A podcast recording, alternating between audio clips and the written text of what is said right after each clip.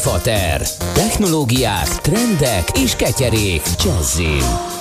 Üdvözlünk mindenkit, ez itt az iFater. Én Fekete Gábor vagyok, és természetesen, ahogy az lenni szokott, a következő egy órában technológiáról beszélgetünk, és mint ahogy az lenni szokott, itt van velem Pápai Péter barátom, Szevasz Peti. Üdvözlöm a kedves hallgatókat, és, és szia Feki. Elnézést a kisé nazális felhangért, de hogy a legendás francia mondás tartja, the show must go on, úgyhogy egy ilyen komolyabb, hát takonykor közben, vagy hát a végén tartok, úgyhogy a mai adásban átengedem a szót, nyilván nem teljesen Péter barátomnak, mert hogy azért lesz ma szó egy csomó dologról, a tesztkészülék, amiről beszélgetni fogunk, és ami speciál nagyon érdekel, mert egy nagyon-nagyon különleges, mondanám azt, hogy retro, de amúgy teljesen modern eszköz lesz a mai vendégünk, de emellett foglalkozni fogunk azzal, hogy a Facebook nem tudja, hogy hova mennek az adataink, és hogy mit csinál saját maga a Facebookon belül az adatainkkal, ez azért nagyon nem jó. Egy picit arról is beszélünk, hogy 25 milliárd gigabyte hogy fér el egy um, kis lapkán, után,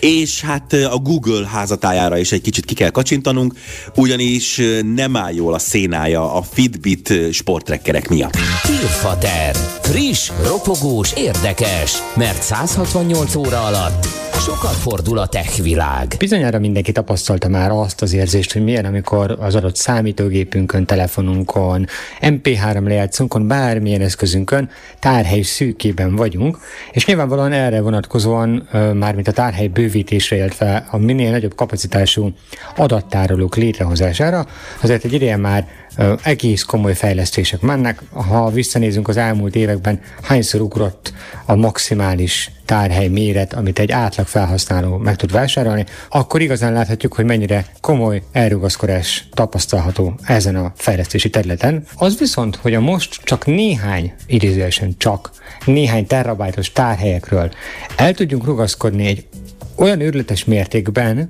amilyet most egy japán kutatócsoport fejlesztett, tehát a több ezerszeres tárhely növekedéshez, az egy egészen elképesztő gondolat. Jó, azért nem olyan egyszerű a dolog, hogy akkor holnaptól bárki bemehet és meg tudja vásárolni azt a kis eszközt, amin 25 milliárd gigabyte, tehát még egyszer, az a szám, 25 milliárd gigabyte elfér, mert ugye ehhez kell egy speciális gyémánt, ugye nem valódi gyémánt, de az a lényeg, hogy egy 5 centis azokhoz a lapkákhoz hasonló, amit szoktunk látni videókban régen, ahogy készülnek a szilícium csippek, amiket waffle hívnak, amit nem tudom én, talán gofrinak tudnánk lefordítani, mert hogy úgy néz ki, ilyen négyzethálós csillogó felületű dologról van szó. Szerintem minden hallgató látott már ilyet valamilyen YouTube vagy egyéb hogyan készült videóban.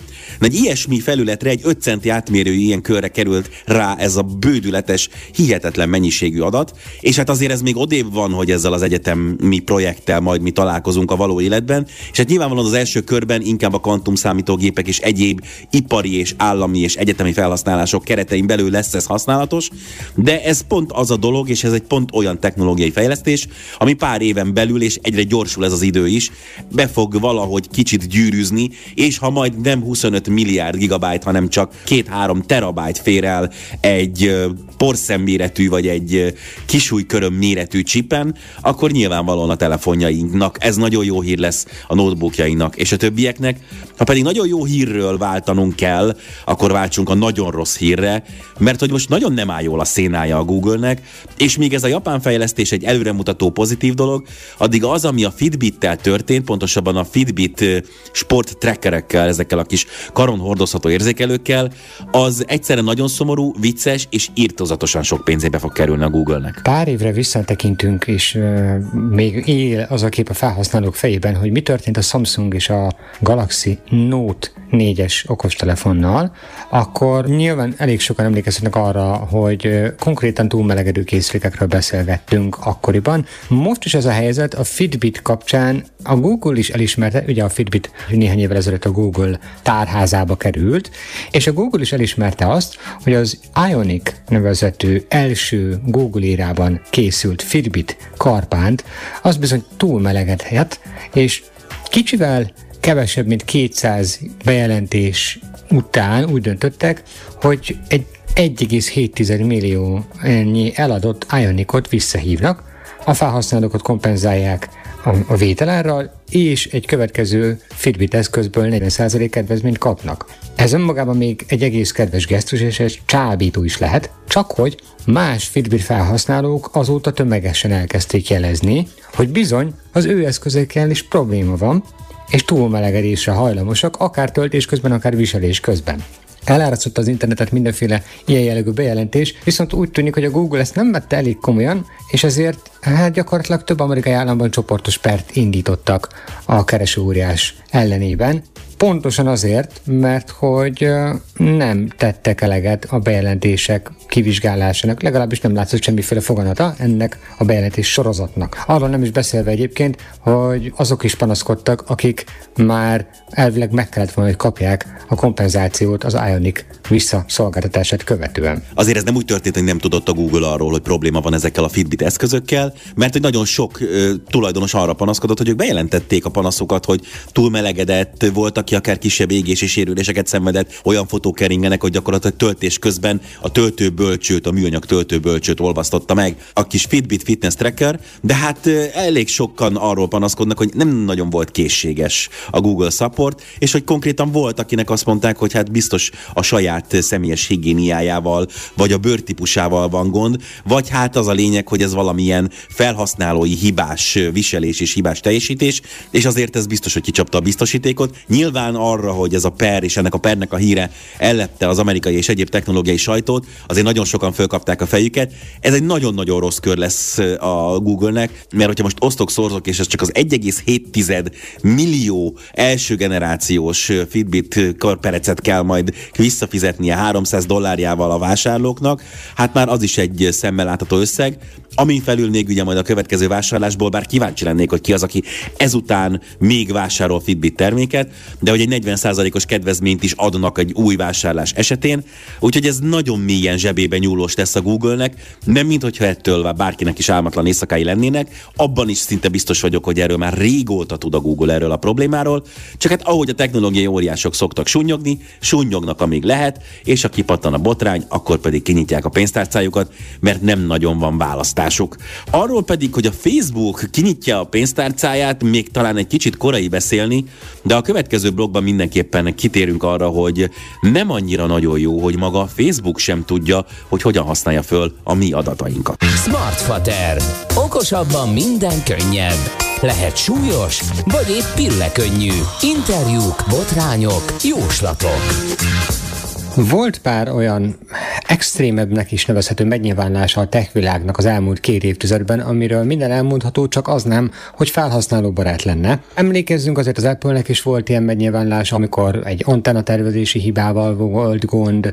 Az előző blogban említettük a Google-t és a Fitbit-et, de azok az extrém esetek igazából a legdurvább történetek, amik a Facebook körül keringenek, ugyanis nagyon sok esetben arról szólnak ezek a történések, hogy a saját adatainkat, tehát a személyes rólunk szóló információkat kezelte helytelenül a közösségi óriás, beleértve itt mondjuk a 2016-os Cambridge Analytica botrányt, ami, ami azóta is egy picit egyfajta elsimított ügynek tűnik, főleg mivel ott politikai értekeltségek is voltak, és azért hat évvel ezután a botrány után olyat mondani, egy ekkora cégnek, aki több milliárd felhasználó adatait kezeli, hogy nem tudják pontosan, hogy mire is, meg mikor és hogyan használják fel a mi személyes adatainkat, na azért az egy elég meredek történet. Ugye nemrégiben beszámoltunk arról, hogy a Facebook, mint vállalat megváltoztatta a nevét Metára, és nagyon sokak szerint, és én is hoztam ezt a véleményt, az egyik legfőbb oka ennek a változtatásnak az volt, hogy egész egyszerűen túl sok botrány kapcsolódik már ahhoz a brandhez, hogy Facebook.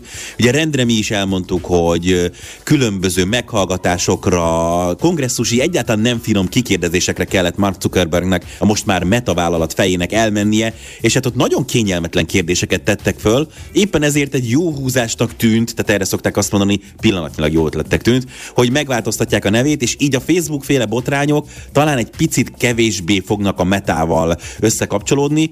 Most arról van szó, hogy maga a Facebook nem tudja, hogy hogyan használja fel azokat az adatokat, amiket tőlünk kap. Ugye, ha valaki egy kő alatt élt az elmúlt évtizedben, akkor neki elmondom, hogy azzal fizetünk a Facebooknak, abból tud üzemelni a Facebook, hogy minél célzottabb és minél precízebb hirdetéseket ad az arcunkba, amikre mi aztán kattintunk, de mégiscsak ez a fő forrás. Mi az adatainkkal fizetünk azért, hogy használhassuk a Facebookot. Ugye azt gondolna az ember, hogy amikor beküldi a Facebooknak most már metának az adatait, akkor ott földolgozódik, nyilván bízunk abban, hogy nem kapcsolódik hozzá, hogy akkor ezek Fekete Gábor adatai, hanem elkezdik eladni külsőknek az én anonimizált adataimat, illetve elkezdik házon belül felhasználni, eljut az Instagramhoz, eljut a Whatsapphoz, stb. Tehát minden olyan felülethez, amit esetleg én használok, de hogy azt feltételezném én, hogy tudják, hogy hova kerülnek az én adataim házon belül, és nem. De olyannyira nem, hogy a, abban a dokumentumban, ami kiszivárgott a Motherboard magazinhoz, és aztán az engage is közölte, konkrétan egy olyan hasonlatot hoznak, belső dokumentumról van szó, hogy ezt úgy kell elképzelni, ami nyitott kultúránkban, az open source fejlesztések közepette, mint hogyha egy üvegtintát beleöntenénk, és most nem túlzok a hangvétellel, tényleg ilyen hangvételű az idézet, beleöntenénk egy üvegtintát a tóba, és hát honnan tudjuk, hogy az hova folyik a tóba, és hogyan szedjük vissza a tóból azt a tintát, ez ugye lehetetlen. Na most lehetetlen lenne, hogyha mondjuk ez egy kis garázscég lenne, nem lenne számottevő befolyása a politikai életre, és egyáltalán a mindennapi életünkre, de könyörgöm, nem mondja már azt egy belső dokumentumban egy ilyen cég, hogy fogalma sincs, hogy mit csinál az adatainkkal. Ez egészen egyszerűen döbbenetes és borzasztó. Így hogyan ígéri meg legközelebb egy kongresszusi meghallgatáson Mark Zuckerberg, hogy vigyázz az adataimra? Hát nem tudja, hogy hol van. A legjobb az egészben, hogy egyébként a Facebook képviselői reagáltak erre a, a cikk sorozatra, és azt mondták, hogy hát igazából ez a dokumentum, ami kiszivárgott, csak a történet egy kis részét írja le, kiragadták a kontextusból, ugye? És nem írja le azokat a terjedelmes folyamatokat, amelyek igyekeznek eleget tenni a magánszféra védelmi szabályoknak. Így pontatlan volna azt a következtetést levonni, hogy nem felelnek meg azoknak, mondták a Facebooknál. Na már most uh, alapvetően az a probléma. Ha maradunk ennél a nem is tudom, ennél a hasonlatnál, folyó, meg tó, meg egyéb ilyen vízügyi hasonlatoknál, akkor gyakorlatilag nekem az az érzésem ezzel kapcsolatosan, hogy valóban olyan, úgy, úgy gondolkodnak, mintha egy hatalmas víztározót üzemeltetnének, csak hogy annyira foglalkoznak a víztározó körbekerítésével, annyira nem foglalkoznak, hogy fogalmuk sincs, hogy ki mikor, hogyan merítget bele ebbe a vízmennyiségbe. Innentől fogva viszont nem tudom, hogy egyáltalán egy ekkora tech cég miért mondja azt, hogy ők vigyáznak az adatainkra, ha közben ők maguknak, tehát a saját belső szabályzat és rendszerük szerint sincs erre egy teljes körű átlátható folyamatuk, hogy az egyén adatait ki tudják nyerni, és adott esetben ki tudják törölni, mint ahogy az egyébként egy adatokat kezelő céggel szemben elvárás, legalábbis az Európai Unió területén, ugye GDPR alapon. Hát ezért nagy baj a GDPR a Google-nek, a Facebooknak és a többi tech vállalatnak, ugyanis onnantól, hogy Európából kiküldik az anyacégnek, ugye ezzel is foglalkozik, és per is volt belőle, mi is beszámoltunk már erről, hogy azért itt majd még nagyon, hát finoman alsó madárfogásba fogja fogni az Európai Unió nemes szerveit a különböző tech vállalatoknak, és akkor egy elég plastikus képpel éltem, mert hogy onnantól, hogy Amerikában az anyacég szervereire átkerülnek az adataink, már ez önmagában aggályos, de hogy konkrétan nem tudja kontrollálni a cég, hogy azok az adatok saját szervereken keresztül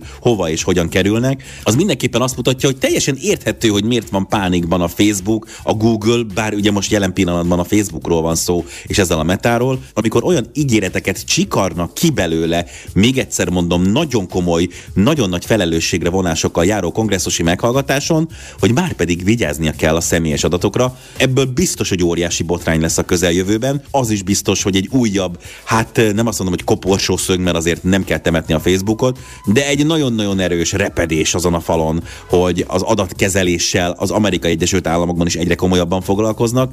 Meglátjuk, hogy ez hova vezet önmagában ez egy döbbenetes és érthetetlen dolog, hogy cégen belül se tudják, hogy hova kerülnek ezek az adatok. Tehát kvázi, ha be a víztározóba bárki beleönthet bármit, és nem tudják, akkor az a víztározó ne lásson el egy várost, vagy esetünkben konkrétan egy bolygót vízzel, és akkor maradjunk ennél a hasonlatnál. Biztos, hogy erről még lesz szó a közeljövőben, itt az iFater. Tesztpad. Mit? Miért? Mennyiért? Szubjektív ketyere bemutató. Pár héttel ezelőtt nagyon élveztük a retro tesztet a Nokia kommunikátor tekintetében. Ugye, hogyha valaki még emlékszik, ez a fiatalabb hallgatóknak lesz érdekes. A Nokia kommunikátor volt a nagybetűs, óriási nagybetűs iniciálja a mobil világnak, ami mindent tudott abban az időszakban, amikor még fogalmunk se volt a mobilnetről, a Bluetoothról és egy csomó ilyen technológiáról. És most itt van egy abszolút 2022-es verziója, egy olyan gyártótól, ami azt gondolom, hogy a jazzy hallgatók számára teljesen ismeretlen, és mégis azt az iskolát hozza, ami nagyon sok olyan kütyű mániásnak, mint én, megdobogtatja a szívét, ugyanis a mai napig állítom, hogy a QWERTY billentyűzetes okostelefonoknak bizony lenne helye a piacon, és nyilvánvalóan nem lennének annyira szépek, mint egy új iPhone, vagy egy új Samsung, vagy egy új Xiaomi, vagy egy új Honor, vagy egy új Huawei, vagy egy új bármi, de egész egyszerűen van az a felhasználói terület, például én, aki imádná azt, hogy van egy teljes értékű hardveres billentyűzet, és itt utalnék vissza konkrétan a világ egyik legjobb telefonjára, amit úgy hívtak, hogy Motorola Droid, Európában Motorola Milestone, ami egy egészen döbbenetesen zseniális, szétcsúsztatható okostelefon volt, és most valahogy erre a piacra lép rá, vagy lépett rá már egy jó pár éve a Planet Computers, ami egy icipici garázs cég, akik zseniális eszközöket gyártanak, Kickstarter és egyéb közösségi finanszírozási kampányjal szedik össze rá akár a pénzt, és nagyon-nagyon jók ezek az eszközök, nagyon érdekesek, de nem hibátlanok. Én is hozzátennék ehhez a visszatekintéshez, vagy kontextusba helyezéshez egy picit, ugyanis a Planet Computers egy egészen közvetlen, egy egészen közvetlen kapcsolatot ápol a régi idők menedzser kalkulátoraival és PDA-nak is nevezett eszközeivel. Annak idején volt egy brit cég, egy Psion nevezetű aprócska cég, amelyik egyébként az utolsó éveiben már inkább az ipari felhasználásra koncentrált, de nagyon sokáig gyártottak ők olyan eszközöket, ami gyakorlatilag egy mini számítógép, az okostelefon egyfajta elődje. És az egyik legjellemzőbb tulajdonság ezeknek a, a, a Psion eszközöknek a kihajtható kivitel, tehát az a laptop szerint kinyitható kivitel, és hogy egy nagyon komoly, nagyon precíz és méreteihez képest nagyon jó gépelési élményt nyújtó billentyűzet volt a legfőbb beviteli eszközük. Nagyjából egy olyan négy-öt évvel ezelőtt a Planet Computers úgy döntött, hogy itt az ideje egy ilyen eszközt feléleszteni, és azért érdekes a Kickstarter projektek, mert általában ugye ezekkel a projektekkel már rögtön visszaigazolást is kapnak a gyártók, hogy bizonyára van érdeklődés, hiszen emberek sokasága rendeli elő az adott készüléket, és bízik abban a koncepcióban, amit a gyártó megálmodik. A gyártó első eszköze, az úgynevezett Gemini Pedia egyébként sokkal kevesebb telefonos funkciót tartalmazott a mostani társához képest.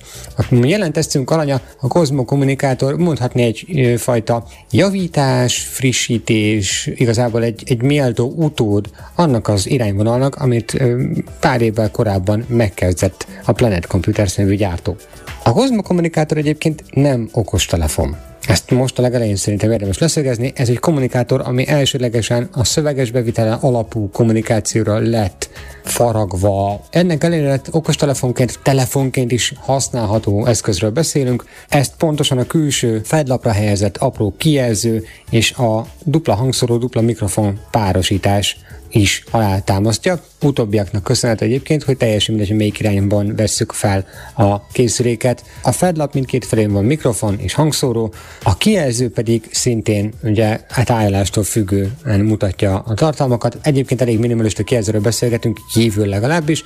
Néhány alapfunkciót, néhány kapcsolót tudunk ezen keresztül vezérelni, illetve a főkamerát tudjuk mondjuk selfie kameraként is használni. Az egyébként 326 grammos, tehát abszolút nem könnyed és légies, viszont nagyrészt fémborítású készülékház belsejében szembe találjuk magunkat a 6 fektetett nézetű kijelzővel, amely egyébként napfényben kellemesen olvasható, nem a mostani modern trendeknek megfelelő AMOLED, de abszolút jól használható, és eszméletlenül kényelmes gépelési élményt biztosító billentyűzettel párosul.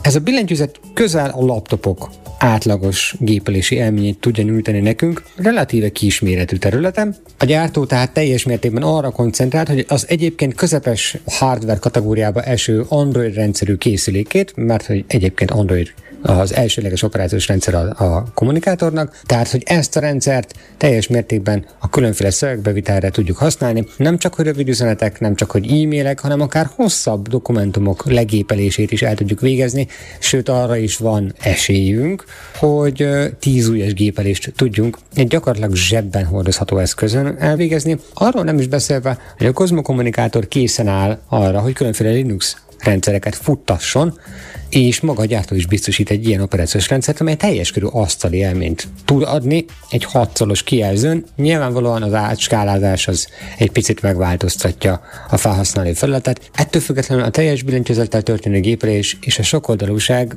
tényleg egy, egy nagyon szűk réteg igényeit fedi le, viszont ez a szűk réteg nagyon komoly eszközt kap a produktivitásra és az útközbeni munkavégzésre. Ez tehát egy mini számítógép, egy mini notebook, meglepően furcsán mobiltelefon készülékházba burkolva. Mi nagyon örültünk, hogy itt volt és megnézhettük ezt a kis manufaktúra által gyártott eszközt. Mindenképpen érdemes megnézni annak, akinek a fizikai billentyűzet elsődleges szempontú és egy nagyon-nagyon hordozható eszközt szeretne magának. De ennyi fért a mai adásunkba, úgyhogy egy hét múlva egészen pontosan 167 óra múlva találkozunk. Minket pedig addig is meg lehet találni az ifater.net oldalon, a Facebookon, Instagramon és még ki tudja hol. Mindenki másnak pedig további jó rádiózást.